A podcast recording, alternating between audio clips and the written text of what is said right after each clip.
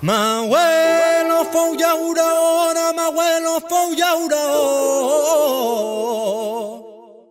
No faltarem mai les bledes.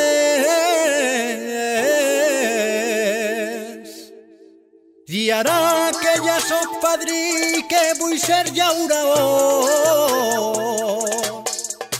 I asfalt damunt d'eixes terres. Passa el temps, roda la cadena, ara asfalt on hi havia terra, operaris, actors secundaris d'esta brama... Va de vie, un programme sobre tot que envolta el binatural, de la mà de Jérôme Chénaud. A tots es donen faena. I jo tenia el meu camp, ja no treballa la terra, ens venen prosperitat. prometen Bon dia, bona vesprada, benvinguts a Radio Pego per un nou capítol de Va de Vie, la vostra crònica de Bi Natural. Difícil continuar amb la nostra crònica sense parlar d'un tema més que tendenciós, els en el vi. Val, no cal recordar que el sofre és un element indispensable, per a no dir essencial, per a la vida a la Terra. És un element químic, eh, un mineral de nombre atòmic 16 i símbol S. Tant a la vinya com a la bodega, el sofre s'utilitza des dels romans que ja coneixien les seues virtuts. Per al vi, el diòxid de sofre, o SO2, es pot utilitzar durant la vinificació per eliminar els microorganismes que no participen en la fermentació, però també a l'embotellatge per a millorar-ne la conservació. Els sulfits es formen quan es posa en contacte una quantitat de diòxid de sofre amb el vi. La qualitat i l'origen del sofre són importants. Pot ser volcànic, en pols groga o presidir de la indústria petroquímica, més barat. Des del segle passat, els processos industrials s'han generalitzat. La química és cada vegada més present en els processos de transformació alimentària. Els sulfits tenen propietats antioxidants i antibacterianes, per la qual cosa s'utilitzen com a conservants i estan presents en molts productes alimentaris. Els compostos de la gamma E220, de E220 a E228, que es troben a l'etiqueta, pertanyen tot a la família dels sulfits. Tots els vins embotellats des del 8 de desembre d'enguany 2023 han de mostrar a l'etiqueta la llista dels ingredients utilitzats, així com una taula nutricional o un code QR que envia a una pàgina web amb aquesta informació. Els sulfits són acusats de causar mal de cap, sabent que els pesticides i fungicides utilitzats a la vinya també contribuirien a la ressaca. Pitjor encara, algunes persones desenvolupen intolerància als sulfits, com amb gluten en els blats seleccionats. A l'any 60, alguns viticultors il·luminats francesos es van proposar elaborar vi sense cap additius, començat per el, més difícil de tots, el sofre. Els més coneguts són segurament Jules Chauvet al Beaujolais i Pierre Auvernois al Jura. La llista és massa llarga per a citar-los tots. Una comunitat a la recerca de vi san, bio, pur. Conec aquí a la Marina Alta alguns viticultors que produeixen vins naturals, però que tot i així hi afegeixen sulfits per raons personals, pot ser per uh, tranquil·litzar-se. Un vi bio pot passar anys sense cap problema. Les àmfores romanes ho testimonien, sempre que es conservi en bones condicions, preferiblement al menys de 25 graus per evitar una refermentació, per exemple. Tots els vins contenen sulfits. Naturalment, en quantitat infimes, inferiors a 10 mg per litre o afegits en valor definits per a cada categoria de vins, industrials, ecològics o natural. Per als vins dits convencionals o industrials es entre 150 i 200 mg per litre, fins a 400 mg per als vins licorosos. Uh, la certificació ecològica permet entre 100 i 150 mg per litre i entre 70 i 80 per a un vi certificat Demeter provinent de l'agricultura biodinàmica. Un vi és considerat com a natural si conté menys de 20 mg de sulfits per litre. Fixat les magnituds, l'associació francesa 20 Méthode Nature té dues certificacions, una pels vins sense cap sulfits afegits i una altra per vins que en menys de 30 mg per litre. Són 10 vegades menys vi industrial. Dit això, qui pot més, pot menys. Es poden trobar vins al mercat amb certificat ecològica que contenen menys o zero cap sulfits afegit.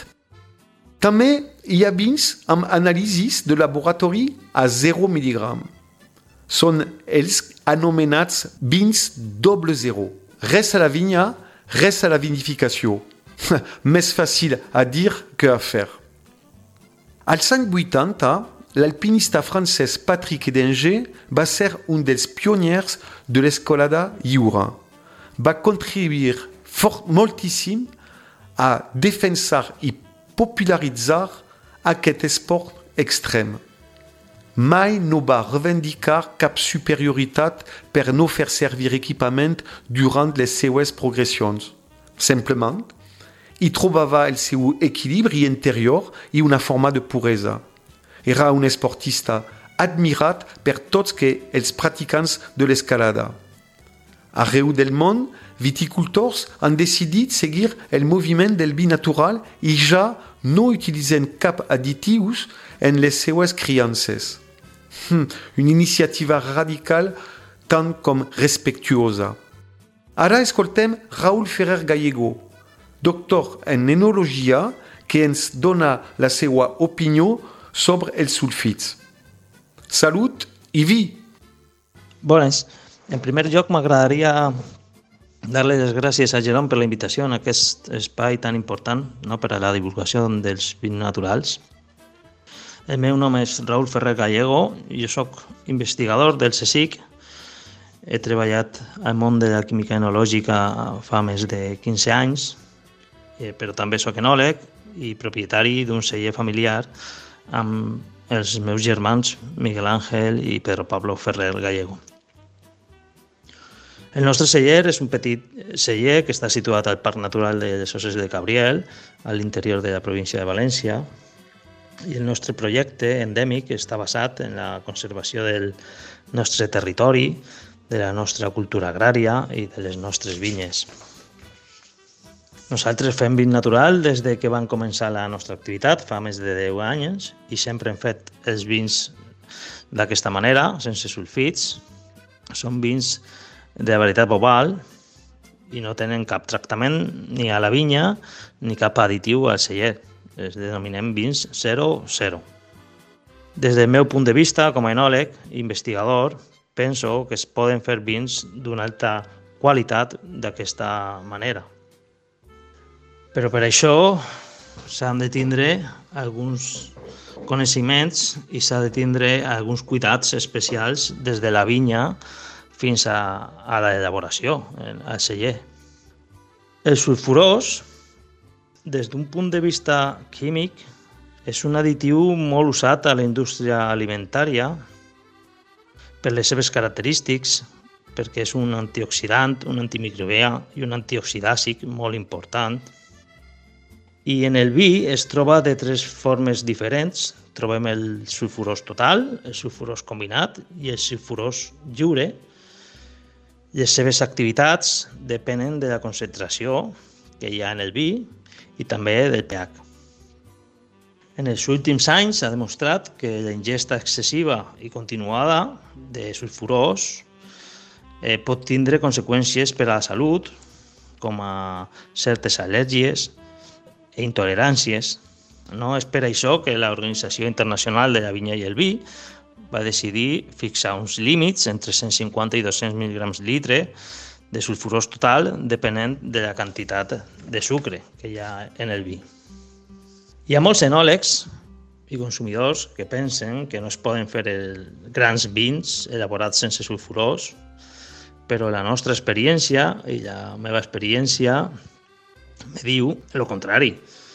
A més a més, hem fet vins de molta qualitat d'aquest tipus que a part de tindre característiques organolèptiques d'alta qualitat, són vins que senten bé, que ajuden a la digestió, pel seu contingut en llevats, perquè recordem que aquest tipus de vi, sense sulfurós, que com havíem dit era un antic microbià, doncs tenen eh, una part important de llevats que venen de la vinya, perquè la gent que treballa amb vins sense sulfurós no només fa aquesta activitat de no, no afegir sulfurós, sinó que també fan unes vinificacions normalment de vins sense filtrar i sense clarificar. És gent que treballa conscientment la vinya sense afegir grandes quantitats de fitosanitaris i per això els vins eh, tenen unes característiques eh, diferents. Bé, per això eh, jo animo a la gent a demanar aquest tipus de vins als restaurants i a les vinoteques perquè crec que obriran un nou món del vi i seran por per a la seva salut el consum prolongat d'aquest tipus de vi. Res més, jo voldria agrair una altra vegada a Jerome aquest espai, que tinga molta sort amb aquest programa que és tan important per a, sobretot per a la divulgació d'aquest tipus d'elaboració de, i sobretot per als elaboradors que fem vins lliures i vins que són diferents. Bo, moltes gràcies, salut i diversitat.